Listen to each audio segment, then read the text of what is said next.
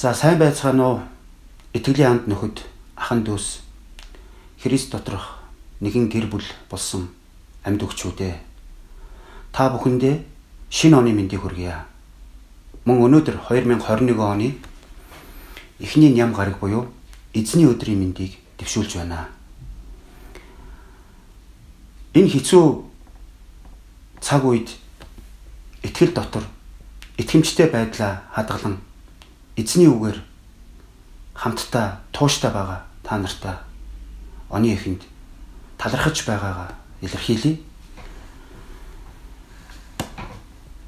Өнөөдрийн үгийг хуваалцахаас өмнө Бурхны үгээр хамтдаа залбирахаас өмнө би та нартаа бас нэгэн сайхан мэдээг дуулгахыг хүсэж байна.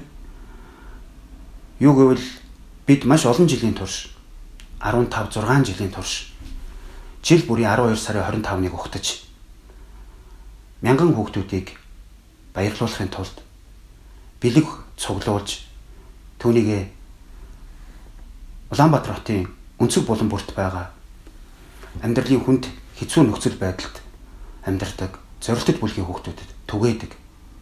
Харин энэ жил цаг үеийн байдал цар тахлын энэ хөл хорионоос шалтгаалж бид нар чуулган дээрээ цугларч бас явж тарааж чадахгүй байгаа. Гисэн хэдий ч бид нар энэ үйлчлэлээ тасалдахгүй тулд таслахгүй тулд мянган бэлгийн аянг зарлаж тэгээ итгэвч та бүхэн байна. Маш итгэмжтэй. Маш гайхалтай итгэвтэйгээр оролцож өнөөдрийн байдлаар бидэнд 1300 гаруй бэлэг цуглараад байна. Өөрөөр хэлбэл 1300 гаруй бэлэг авах санхүү цугларсан байна. Бид нар үнийг бас цуглуулж чадлаа. Тийм учраас та нартаа талархаж байгаагаа дахин дахин илэрхийлж та нарын минь сайхан зүрх сэтгэл та нарын минь гарын үйлсийг бидний итгэдэг эзэн бурхан өрөөх болтугай гэж би бас талархаж байна. Тэгээд эзний төлөвлөсөн, зөвшөөрсөн тэр өдөр бид хамтдаа залбирч, хамтдаа зохион байгуулалтанд орж эдгээр бэлгүүдийг хүрх ёстой эцэст нь буюу Монголынхаа хүүхдүүдэд, хотынхаа хүүхдүүдэд хүргэх болно гэж би та нартай бас хэлмээр байна. Өнгөрсөн жил үнэхээр амаргүй жил байсан. 2020 он гэхдээ өнгөрөө одлоо.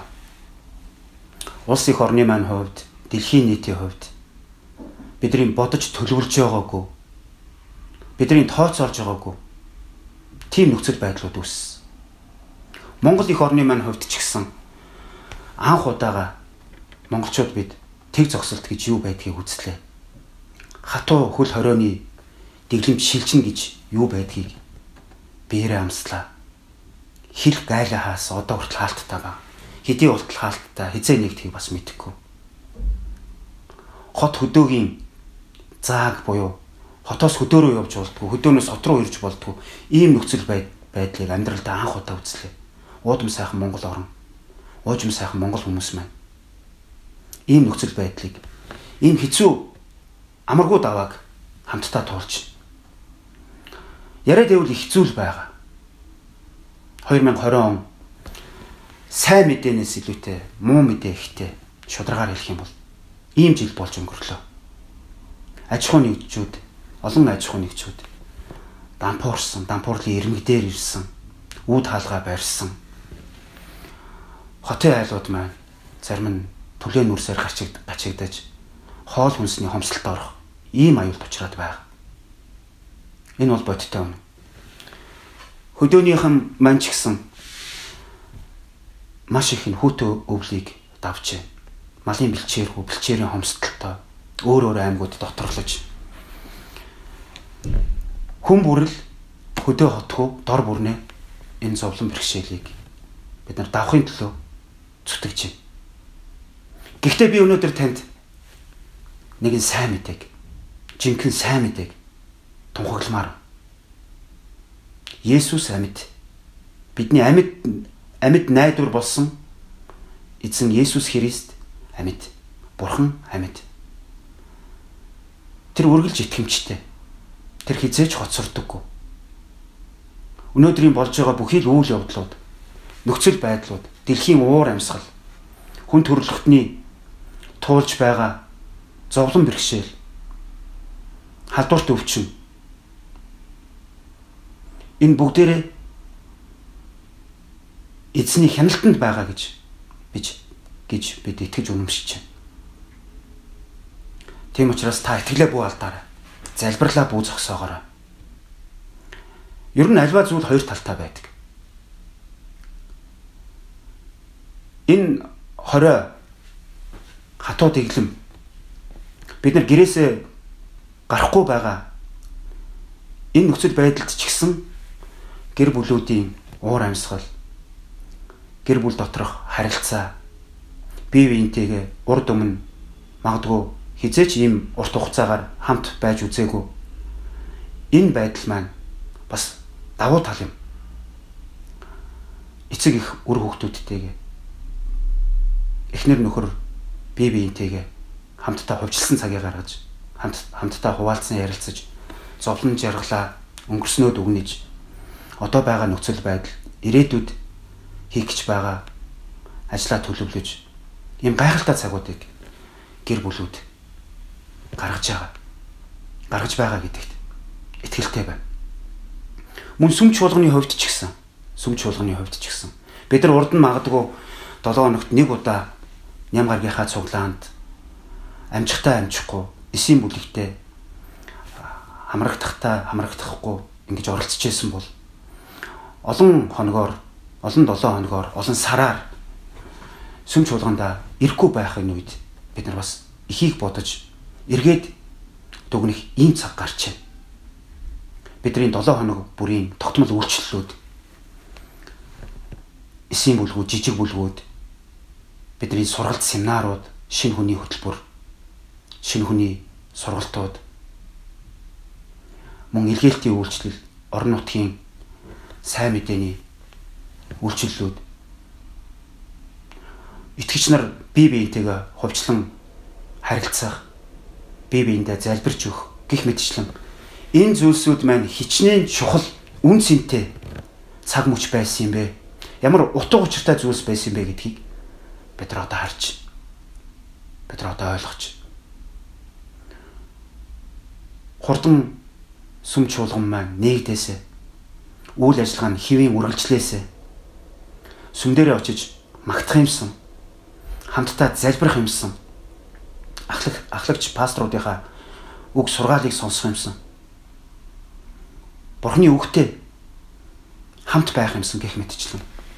Олон хүсэл эрмэлзэл олон мөрөөдлүүдийг бид зүрх сэтгэлдээ энэ хэцүү цаг үед тээж амьдрцгааж байна. Зарим хүмүүс ярьж байна л да ер нь сүмд цаашдаа цугларах шаардлагагүй юм шүү. Энэ ямар утгаар хэлж байгаа вэ гэхээр ер нь бүх зүйл онлайн болчихлоо шүү дээ. Онлайнаар бид нар номлоо сонсч болжээ.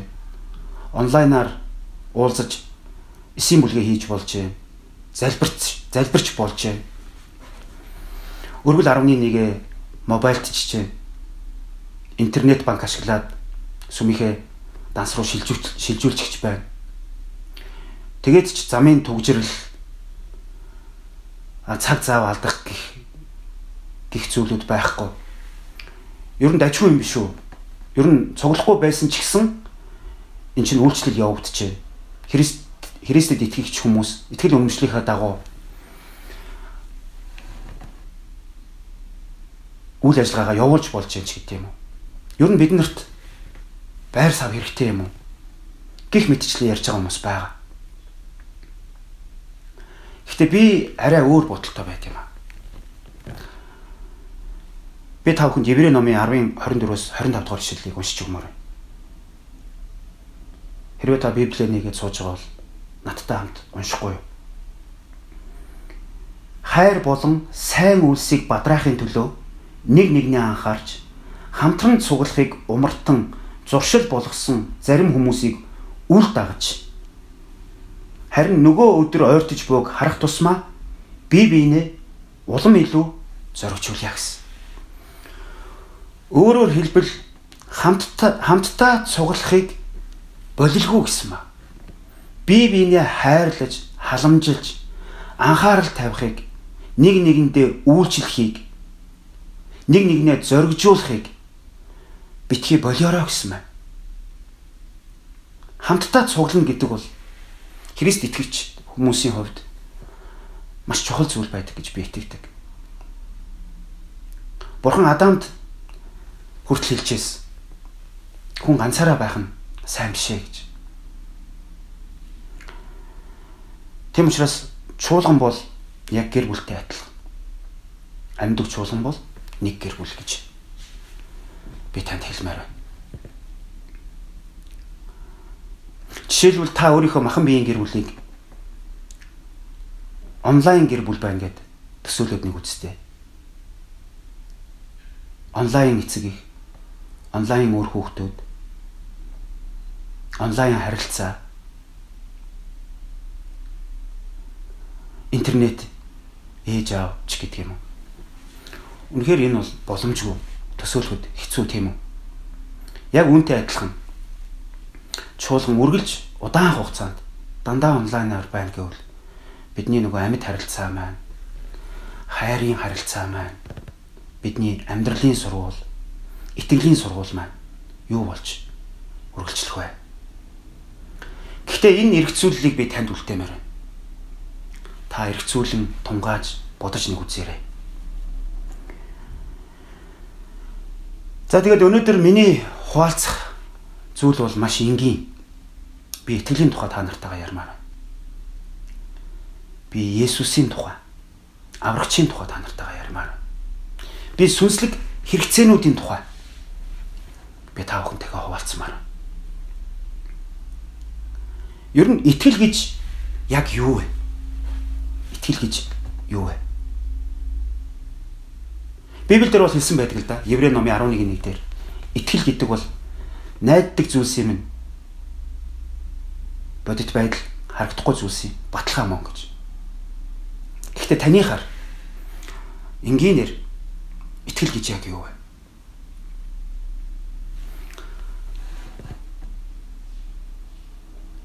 Есүс 2000 жилийн өмнө энэ дэлхийд мэдлэгтэй онгон онгон бүсгүйгээс төрж хүмүүсийн дунд амьдарч Тэгээд тэр зовж цовдлогдсон нас барсан гэдэг энэ яг хангалттай ихтгэл мөн үү?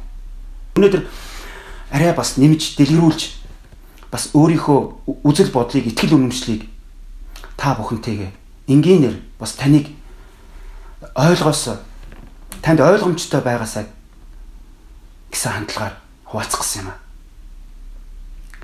Библийн Үлс номын 19-15-д муу ёрийн сүнс тэдэнд би Есүсийг тань, Паулыг ч мэднэ. Харин та нар хин бэ гэвэ гэсэн ишлэл байдаг. Ер нь саяны миний хэлсэн энэ мэдлэгийн чанартай зүйлийг адгийн муу ярийн сүнсч мэддэг. Муу ярийн сүнсч Есүсийг тань. Тэр Есүсийг хэрхэн ямар зорилгын төлөө энэ дэлхийд ирсэн бэ? Тэр юу хийж хэрхэн залмаа дээр бузар сүнсийг ялсан бэ гэдгийг ч А тийм ярин сүнс. Мэдчихэе. Тэгэхээр заримдаа бидний итгэл гэж ярьдаг, боддог тэдгэр зүйлсүүд маань үнэндээ мэдлэг байдаг. Зөвхөн мэдлэгээр хязгаарлагдах вэ гэж бас та бодож үзээрэй. Та бас залбираарай. Христэд итгэх итгэл буюу Христэд жинхэнэ итгэдэг хүн гэж хэнийг хэлэх вэ? Мэдлэгтэй хүнийг хэлэх үү? Жинхэнэ зүрх сэтгэлтэй, сүнсэндээ итгэлийг хүлээж авсан хүнийг хэлэх үү? Би танд нэг зүйлийг хэлмээр. Өөрөөр хэлбэл Христэд итгэх итгэл гэдэг бол надад аврагч хэрэгтэй гэдгийг зүрхэндээ хүлээн авсан хүнийг зүрхэндээ хүлээн авч байгаа явдлыг Христ итгэл гэж би ойлгодог. Би дахин хэлэх үү. Христэд итгэх итгэл гэдэг нь надад аврагч хэрэгтэй гэдгийг зүрхэндээ хүлээн авсан хүнийг хүлээн авч байгаа явдлыг хэлнэ гэж. би итгэдэг.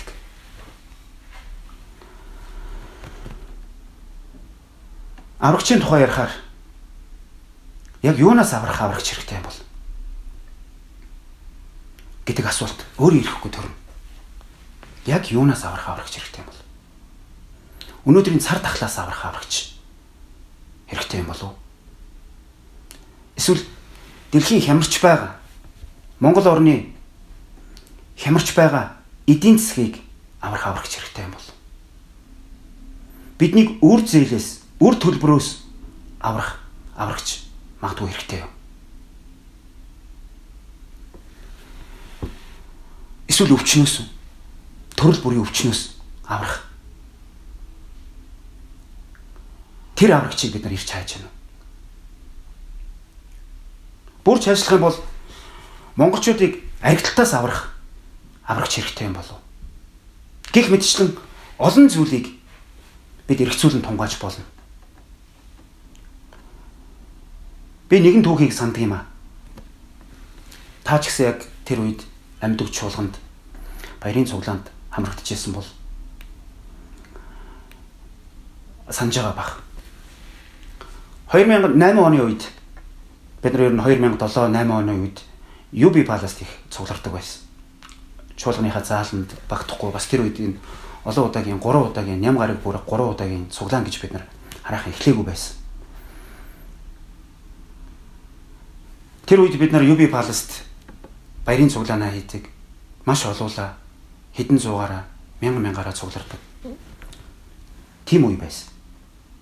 Тэр үед номлолын дараа UB Palace-ийн тэр урт коридорт ахлагч пасторууд нь гарч зогсоод тэгээ тэдэн дээр хүмүүс ирж дугаарлаж зогсоод өөрсдийнхөө амьдралд хэрэгцээтэй шаардлагатай бурхнаас гуйж байгаа Тэдгээр сэдвүүдийг хилж залбиулдаг байсан. Нилээн олон 7 хоног баг хэдэн сар үргэлжилсэн шиг санаж байна.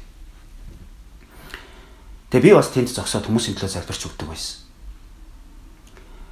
Харин хүмүүсийн сэдв залбиулж байгаа сэдв ихэнх нь өвчнөө эдгэлэхийн төлөө өрнөөс гарахын төлөө их орлоготой өндөр цалинтай ажил бизнестэй болохын төлөө. Эсвэл нурж унсан хагарсан гэр бүлийн харилцаануудаа эзэнт даатгаж залбируулахын төлөө. Үр хүүхдээ гадаадад явуулах гэсэн виз гаргуулах гэсэн гих мэтчлэн.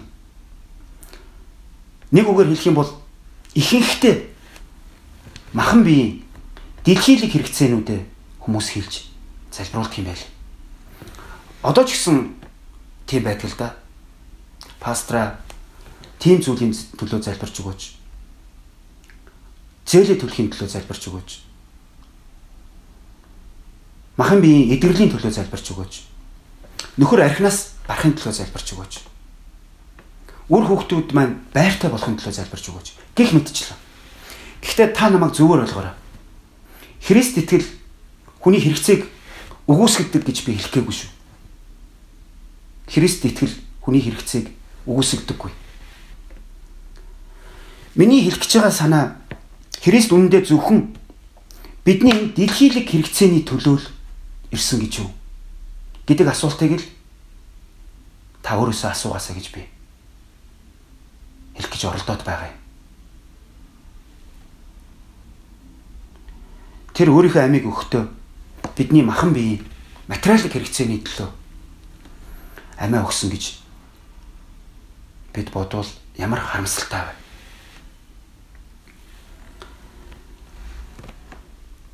Өнөөдрийг хүртэл хүмүүс сайн мэдээ сонсоод сүмд ирэхдээ зөвхөн материаллык буюу дэлхийн хэрэгцээнийхээ төлөө сүмд ирэхсэд байсаар байвал ямар гонигтай вэ? Би энэ тухайл ярих гэсэн. Ер нь тэртээ тэргүй бид нар бурханд хүссэн зүйлээр залбирдаг. Хүсснээрээ залбирдаг. Тэгээд шаавдаг. Энэ бол маш тодорхой. Таны амьдралд ч гэсэн энэ зүйлүүд бурханд залбираад залбирсан хэрэгцээгээр авчээсэн ийм жишээнүүд гэрчлэлүүд дүүрэн байгаа бах. Би огт хэрэгэлцэхгүй. Гэхдээ би дахиад хэлье. Христ зөвхөн бидний дэлхийлэг хэрэгцээний төлөө онгон бүсгүйгээс мэндэлж олон дагалдагч нарыг сургаж, зааж эцэст нь баригдаж цовдлогдсон нас барсан гэж юу. Зөвхөн иймхний төлөө тэр амиа золиослохоор дэлхийн суурийг тавихаас өмнө бэлдсэн гэж юу. Би бас л энэ асуултыг таны эргцүүлэлд үлдээмээр байна. Харин би танд гайхамшигтай сайхан мэдээг, сайн мэдээг тунхагл тунхаглая. Христ биднийг гэм нүглээс бардам зангаас атаархал болон хувийн ачаалтаас үл уучлал үзэн ядалтаас хорсол болон шунлаас харанхуун боолчлолоос сатааны хорлол түүний савраас нүглийн шийтгэлээс аварч чөлөөлөх гэж ирсэн ирсэн юм а. Итгэлийн амт нөхдөө. Хиний өмнө ирж зогсоод юу гуйж байгаагаа бүгдээрээ үргэлж боддог байцгаая. Би таныг уриалж байна. Есүс бидний энэ дэлхий дээр амьдрах насыг уртсах гэж энэ дэлхий дээр байгаа хөрөнгө хогшлыг минь нэмэгдүүлэх гэж ирээгүй блэ. Харин бидэнд бурханлаг сүнслэг хэрэгцээг өгөх гэж тэр ирсэн. Тэр сүнсний үр жимсүүдийг бидэнд өгөх гэж ирсэн. Галаат номын 5:22 дээр хэлсэнчлэн. Йохан номын 3:16-аас бүгдээ харах юм бол Бурхан ертөнцийг үнэхээр хайрласандаа цорын ганц хүүгээ өгсөн тул хүүд итгэдэг бүхэн мөхөхгүй. Харин мөн хамтаа байх болно гэсэн. Мөн үргэлжлүүлээд Йохан номын 10-ын 10-т Есүс ингэж хэлсэн байдаг. Би тэднийг амьтай, бэлгсэн амьтай байлгахын тулд ирсэн билээ гэсэн. Есүсийн ирсэн хамгийн гол зорилгыг хизээж мартаж болохгүй. Хүн төрлөختний мөнхийн авралын төлөө хүн нэг бүрт мөнхийн амийг өгөхийн төлөө түүний ирсэн хамгийн гол зорилго оршиж байгаа юм. Есүс бол бидний аврагч. Тэр бидэнд мөнх амийг өгөхөөр энэ дэлхийг зорж төлөвлөж бидний дунд хүний дүрээр ирсэн. Яг бидэнтэй минь ижилхэн дүрийг авч боолын дүрийг авч гэж Библи бүр хэлсэн ба. Ирсэн юм аа. Хамгийн сүүлд Исая номын 9:6-ад Учир нь бидний төлөө хөвгүүн төрж бидэнд хүү өгөгдсөн ачаа. Засаглал түүний мөрөн дээр байж түүний нэрийг гайхамшигт зөвлөгч хүчит бурхан мөнхийн эцэг инхийн жонон гэж дуудана гэсэн. Халелуя. Амен. Би тэгээ та нарыгаа өнөөдөр Есүсийн нэрээр Бурхны үгээр өрөөхийг хүсэж байна та бүхнийхээ төлөө амьд өгчүүдийнхаа төлөө оны эхний нямгаргийн энэ цуглаан дээр залбирахыг хүсэж байна. Бүгдээрээ хамтдаа эзний өмнө ирээд өнгөрсөн 2020 оны төлөө талархаж хэдийгээр бид муу мэдээ мэдээлэл эхийг сонсож амьдралдаа амаргүй давааг тулсан ч гэсэн Бурхны тогтоосон энэ цаг хугацааны төлөө талархаж а мөн 2021 оныхоо төлөө эзэн даатгаж илүү их гайхамшигтай илүү их эзний бидэнд бэлдсэн төлөвлөгөө байх болтугай гэж залбирцгаая. Тэнгэрлэг бурхан аав минь таньда үнэхээр талархаж байна. Та бол бидний эзэн бидний аврагч билээ. Хүн төрлөختний төлөө хүмүүс бидэнд мөнхийн ам амьдралыг өгөхөр өөрийн амийг золиослон энэ дэлхий дээр бидэнтэй хамт байсанд одоо ч хамт байгаад. Үрд хамт байх учраас. Тандаа талархаж байна. 2020 он хэцүү. Айдас төгшүүртэй өвчин зовлонтой өхөл хагцалтай он байсан хэдий ч. Өнөөдөр бид нар энэ бүхнийг ардаа орхиод 2021 он руу бид нар тантай тантай хамт ирж байна. 2021 оноо таньда даатгах гэж байна хэзээ минь ирж буй шинэ оноо таньда даатгах чинь. Та амьд өгчүүдийг минь Христэд итгэгчдийг минь Монгол их орныг монголчуудыг Монголын гэр бүлүүдийг та өрөөж өгөөч. Өрөөн сахиж хамгаалж өгөөч гэж танаасаа гуйж. Өвчтөе хүмүүсийг та эдгээгээрэй. Зүрх сэтгэлд нь чөлөөлөлт сүнсэнд нь аврал хэрэгтэй байгаа хүмүүсийг та аварч чөлөөлж өгөөрэй гэж танаас агуун залбирч. Хүн болгоны дээр айл болгоны дээр таны амар тайван байх болтугай. Та хэрэгцээтэй бүхнийг минь бидэнд хангаж өгөөрэй. Энэ хүн хэцүү цаг үед хоол хүнсгүй байгаа нэгэнд нь хоол хүнсийг өвчин зовлонтой байгаа нэгэнд нь эдгэрлийг дулаан орон гэр хэрэгтэй байгаа нэгэнд нь дулаан орон байрыг та юрууч өгөөрэй.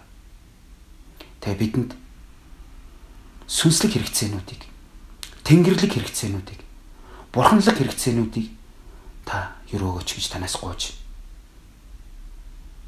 Бид энэ онд илүү их материаллагаас илүү сүнслэг хэрэгцээг танаас авч танд залбирч ажиллаж амьдарч үйлчлэхт минь та хамт байж өгөөрэй. Танда маш их баярлалаа.